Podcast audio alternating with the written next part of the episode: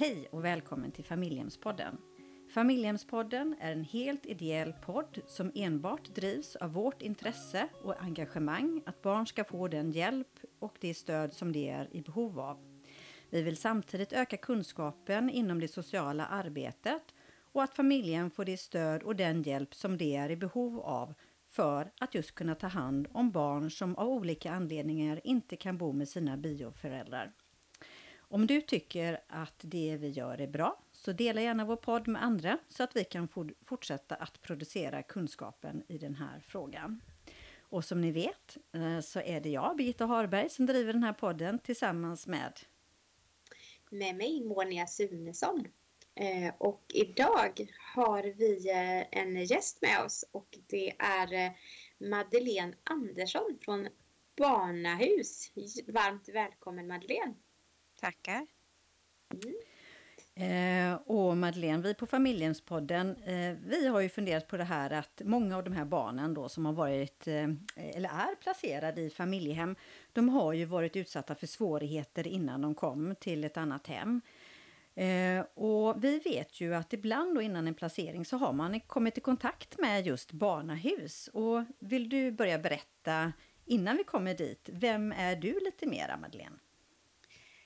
Ja, jag är ju samordnare inom Barnahus Fyrbodal eh, för filial Åmål som servar Dalslandskommunerna. Eh, jag har eh, samordningstjänsten som en del av min ordinarie tjänst som socialsekreterare. Så jag har min bas i att vara socialsekreterare barn, unga och vuxna och våld i nära relation. Mm. Mm. Härligt! Men barnahus, det är ju ett begrepp som eh, har funnits länge och, och barnahus har ju funnits en, en längre tid faktiskt. Vill du berätta för oss och lyssnarna, vad, vad är barnahus egentligen? Eh, barnahus är en eh, verksamhet som eh, ska samordna eh, å, åklagare, polis, socialtjänst eh, med hjälp av BUP och vårdcentral eh, och andra nödvändiga eh, vård och myndighetskontakter eh, kring ärenden som gäller att barn har varit utsatta för brott. Mm. Mm. Men hur, hur, vet man då, liksom, vem tar den här första kontakten med er så att man liksom kommer i kontakt med alla de här olika professionerna? Eh, det är olika. Eh, polis och socialtjänst är det ju framför allt. Mm. Eh, att eh, polis har fått in en anmälan eller att socialtjänst har fått in en anmälan eh, och eh, arbetar i ett ärende eh, där det behövs samordning mellan de olika myndigheterna. Eh, men även, vi är även tillgängliga för konsultation för andra verksamheter som BUP och skola och även enskilda kan ringa in till oss och rådfråga. Mm. Så konsultation, det är helt enkelt att man rådfrågar er hur man ska gå vidare? Ja, och då pratar man ju avidentifierat. Ja, och avidentifierat och vad är det man för... rådfrågar er om, tänker jag bara då? För att eh, oj, det beror ju väldigt mycket på vem det är som ringer in. Mm. Eh, men till exempel om eh, polisen ringer till oss för att konsultera så kan det handla om eh, hur jobbar socialtjänsten i eh, ett sånt här fall, i ett sånt här scenario. Eh, vad är lämpligt att vi tar för nästa steg och så vidare. Eh, socialtjänsten, då kan det ju handla om att eh, de undrar om allt från hur ska de föra barnsamtal till hur ska de eh, gå vidare i ärendet, vad är nästa steg? Eh, vad, är, vad, är viktigt att tänka på eh, sett till våld eller heder eller sexuella övergrepp? Eh, ska vi polisanmäla? Ska vi läkarundersöka? Eh, och så. Så alla situationer som de här olika professionella verksamheterna hamnar i där det handlar om att barn har blivit utsatta för våld, övergrepp eller sexuellt någon form av våld. Mm. Ja. Jag tänkte bara, kan du, för ibland i mitt arbete, jag, jag jobbar ju på ett socialkontor också, så hamnar man lite så här i, vad är våld? För man tänker alltid på att det är slag bara. För visst handlar det inte bara om det när man handlar, om man ringer och konsulterar er. Det är inte bara att man slår någon när man använder att man har blivit utsatt för våld. Nej, precis. Eh, våld är varje handling som syftar till att skada en annan människa och få den här att göra eller inte göra någonting som den vill. Mm. Eh, eller inte vill. Eh, våld kan vara allt från slag, sparkar, dra i håret, knuffa, eh, hålla fast till att eh, förneka någon medicin, förneka någon vård. Eh, att eh, ha kontroll över all, alla deras pengar. Eh, till att, eh, ho, att hot om fysiskt våld hänger i luften, så kallat latent våld. Att man, eh, när man kommer hem innanför eh, ytterdörren så går man på tå för att känna av vad, vad ligger i luften idag. Eh, det är våld och allt våld eh, är det här kommer låta jättekonstigt, eh, rationellt, logiskt alltså. Det, den som utövar våld eh, räknar med ett motstånd mm. och har olika strategier för att bryta ner det motståndet. och alla som blir utsatta för våld använder motstånd i någon form och det kan vara motstånd i form av att fly in i sig själv. Mm. Att i sitt eget medvetande hata förövaren eller i sitt eget medvetande tycka synd om förövaren eh, överlevnadsstrategier för att klara av situationen som man är i. Eh, så våld är väldigt omfattande. Det är långt mycket mer än det folk tror och ibland behöver vi faktiskt hjälpa eh, individer att förstå att det de har varit utsatta för är våld. För att man inte alltid förstår helt enkelt att det är jag har varit utsatt för våld för att man förstår inte det för det är inte slag helt enkelt. Precis, eh, och att eh, man kanske är så van så att man, eh, man registrerar eller lägger på minne bara de absolut värsta grejerna. och en del förövare dessutom anser inte att nej men jag har inte använt våld för jag har inte gett en rak höger i ansiktet. Mm. Då har jag inte använt våld. och de som är utsatta som sagt då är att de är så vana så att de där sakerna som jag som inte är utsatt för våld skulle betrakta som våld är de, jaha, men vad då? Det är inte det normalt i en relation? Att man gör så? Mm. Tar man inte tag i varann och knuffar varann i ett tjafs i en normal relation? Mm. Och sen kopplat till barnen så kan det också vara att bara bevittna. är ju också mm. att utsatt, eller hur? Ja, absolut. Vi betraktar att bevittna våld som lika skadligt psykiskt sett för barn som att själv vara utsatta. Eh, och det är också därför som det har kommit ett barnfridsbrott. Eh, för att det är mycket skadligt för barn att bevittna våld och övergrepp. Och barnfridsbrott för våra lyssnare, ska vi kort kanske berätta vad det är för något? Ja, eh, barnfridsbrottet eh, trädde i kraft förra året. Eh, och det handlar om att barn blev målsägare i våld i nära relationer ärende. Eh, de, eh, om man har bevittnat våld eller övergrepp eh, mellan närstående i hemmet eller i en hemmiljö eh, så är man ett brottsoffer. Eh, det är ett, eh, säga, ett parallellbrott. Så huvudbrottet det är ju det, mellan de personerna det har skett direkt. Eh, och det brottet är det viktigt att man kan bevisa först innan man eh, går vidare med barnfridsbrottet. Eh, och det är också för barnets bästa. Vi ska inte driva ett eh, barnfridsbrott utan där barnet blir vittne mot, mot sina föräldrar om inte den utsatta föräldern också är med i att driva eller får hjälp att driva sitt ärende. Mm. Och visst är det så Madeleine att eh, om då den ena parten har blivit utsatt för, för brott och anmäler först eh, sin partner för det eh, men sedan tar tillbaka eh, den anmälan, då kan man inte gå vidare med ett barnfridsbrott. Då kan man inte gå vidare med barnfridsbrott mm. för då kan man inte eh, föra det, huvudbrottet till åtal. Mm. Och, och då då faller barnfridsbrottet. Då faller barnfridsbrottet. Men socialtjänsten har fortfarande en lagskyldighet att jobba med de här ärendena ändå, ska nämnas. Ja. Eh, så att det är polisen och åklagarens arbete som stannar upp. Socialtjänstens arbete fortsätter. Jajamensan, så är det. Men du, någonting som jag är lite nyfiken på och som jag tror att våra lyssnare också undrar. När ni då har de här olika kontakterna eh, med barn och ibland så är ni ju med också eh, när man går vidare med barnen, eller hur? Och träffar barnen. Eh, ja, eh, alltså det ser ju lite olika ut beroende på vilket kontor man sitter på och hur man, hur man är organiserad naturligtvis. Mm. Eh, här där jag sitter, så jag sitter på ett annat ställe än barnförhörsrummet. Eh, och eh, litar helt och fullt på de andra professionella som är med där.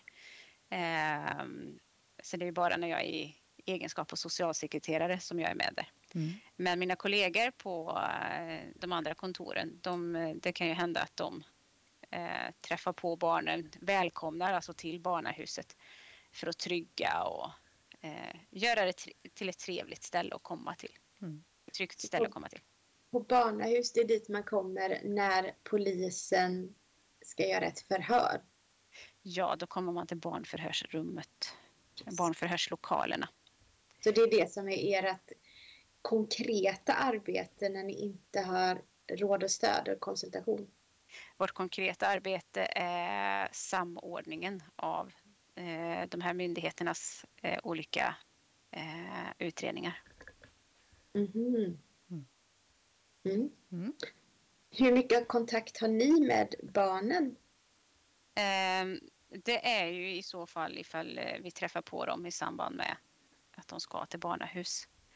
Ehm, men våra roll är framför allt Eh, rådgivande och konsulterande till de myndigheter som har i ansvar att vara i direktkontakt med barnen. Eh, det är också viktigt att tänka på att inte blanda in fler personer än nödvändigt i de här barnens tillvaro. Ehm, det barn som har varit utsatta för brott kommer att träffa på väldigt många olika personer. Eh, och det är viktigt att begränsa de kontakterna så mycket man kan så att vi inte rör till det för mycket för barnen. Får du bara ställa en konkret fråga för någon som är utomstående. Om man då har ett barn som har blivit utsatt för ett brott och så ska det här barnet, brukar man ju i alla fall på ett socialkontor säga, nu ska vi på förhör på barnahus. Mm. Hur eh, går ett förhör, bara i kortfattat, till? Det är en polis som förhör eller hur går det till? Mm, det är en polis med särskild utbildning i att förhöra barn eh, som också är med och tar emot barnet när det kommer på plats. Eh, för att börja bygga relationer redan när barnet kliver innanför dörrarna till barnahus. Eh, barnet ska ha med sig en trygghetsperson och det varierar vem det är.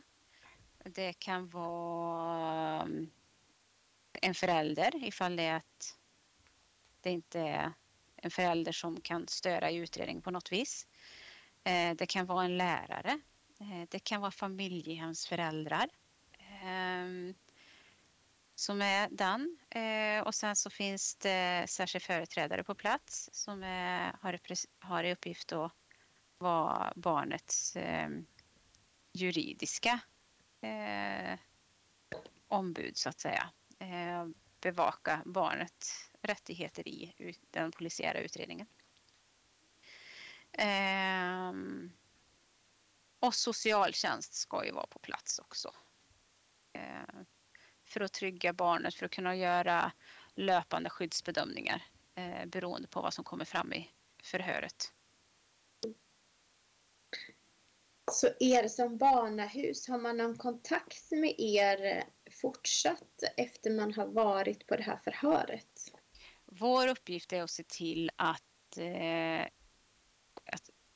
att till exempel socialtjänsten fortsätter att följa upp barnet och ha kontakt med barnet. Um, så vi, vi har ju en, en samordnande roll.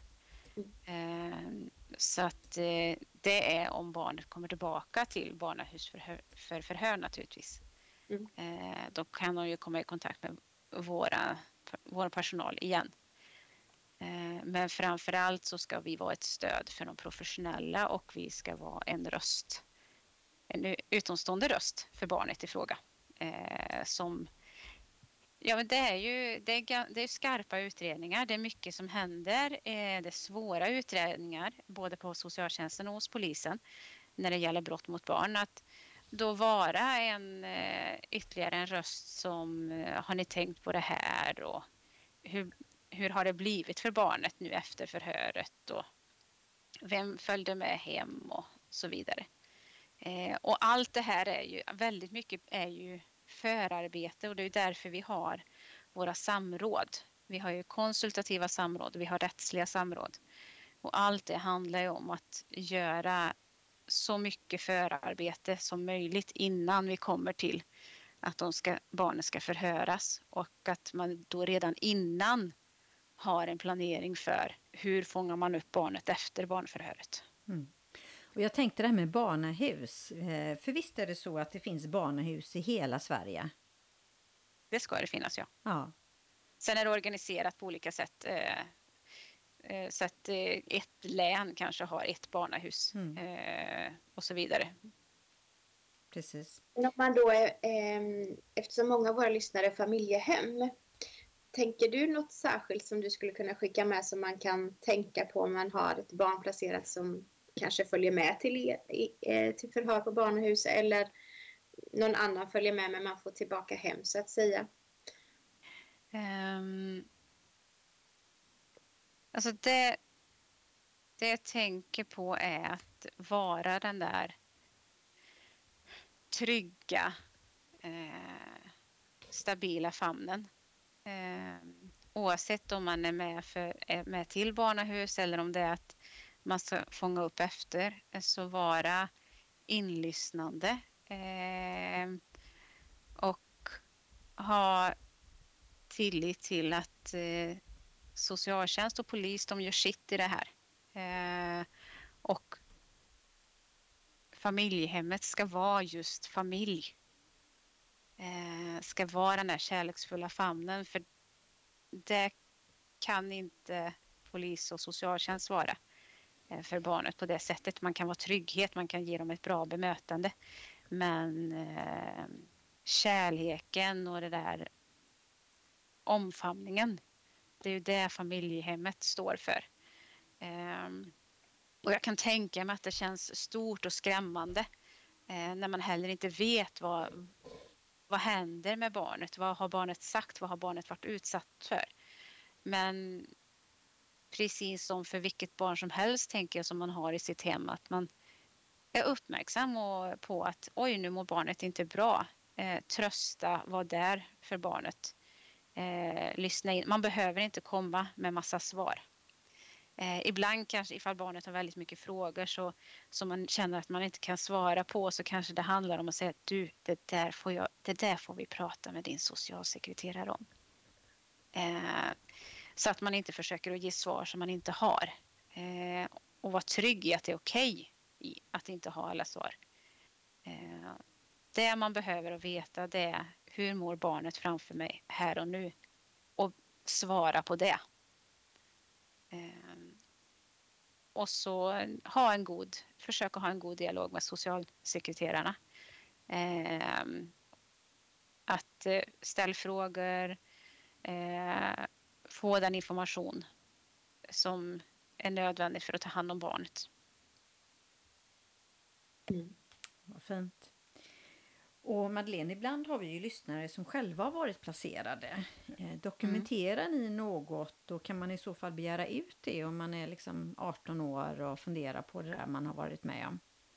Dokumentationen sker, om, sker hos eh, de respektive myndigheterna och vårdkontakterna. Ja. Och det är därifrån man ska begära ut. Ja.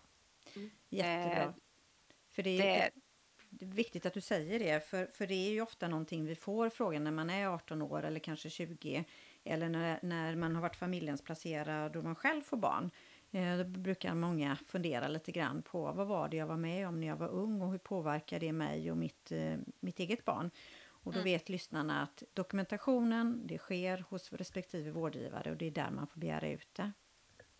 Och då är det viktigt att veta, tänker jag i sammanhanget, att när det gäller socialtjänsten och hur de arkiverar så är det ju eh, placerade barn Det är ju något vi ska arkivera för mm. tid och evighet.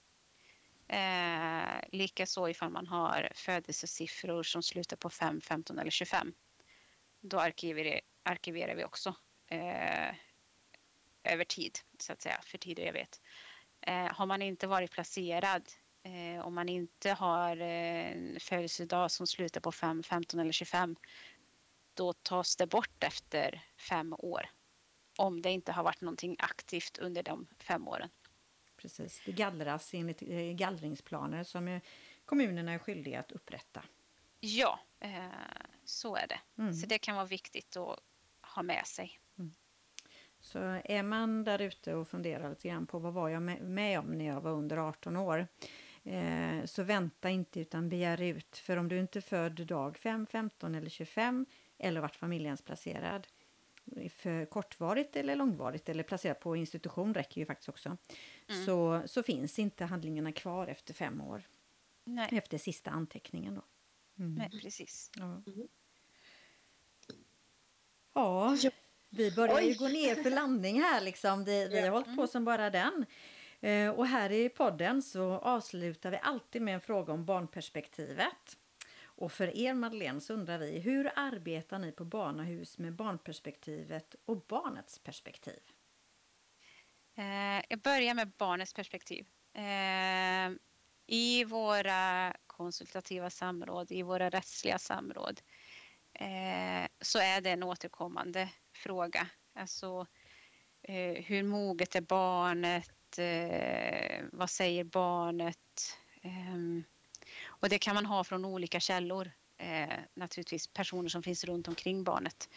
Eh, hur ser vi på barnet, hur det mår? Eh, och allting vi behöver veta för att bättre kunna fånga upp barnets perspektiv i barnförhöret sen.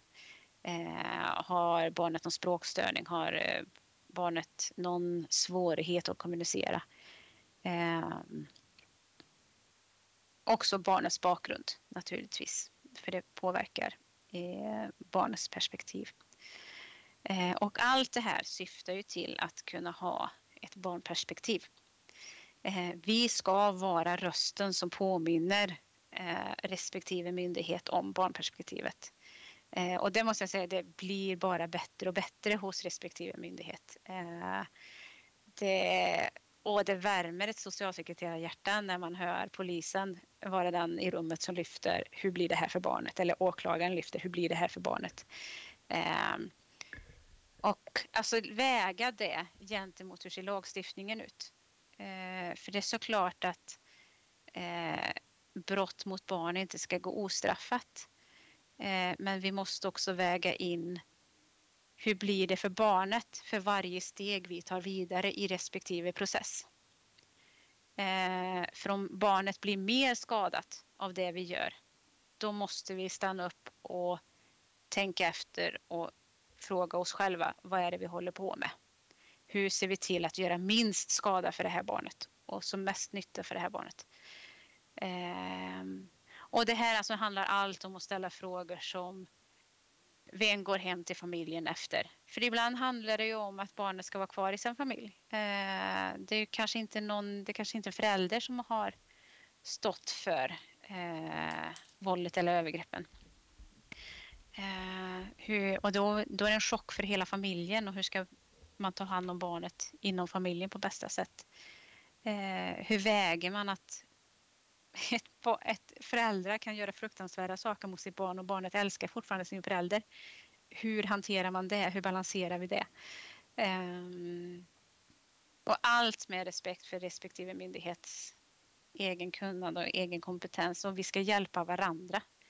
Uh, jag brukar säga det att vi är kollegor med olika uppgifter allihopa. Uh, och uh, vi är där med ett enda syfte och det är att se till att det här barnet tas om hand så väl som möjligt det tycker jag får avsluta eh, den här härliga intervjun med det här viktiga arbetet. Att allas uppgift är att barnet ska ha det så bra som möjligt. Fantastiskt. Tack så jättemycket Madeleine för att du ville vara med här i våran podd och berätta om ert fantastiska arbete. Jätteviktigt. Tack ska ni ha. Mm.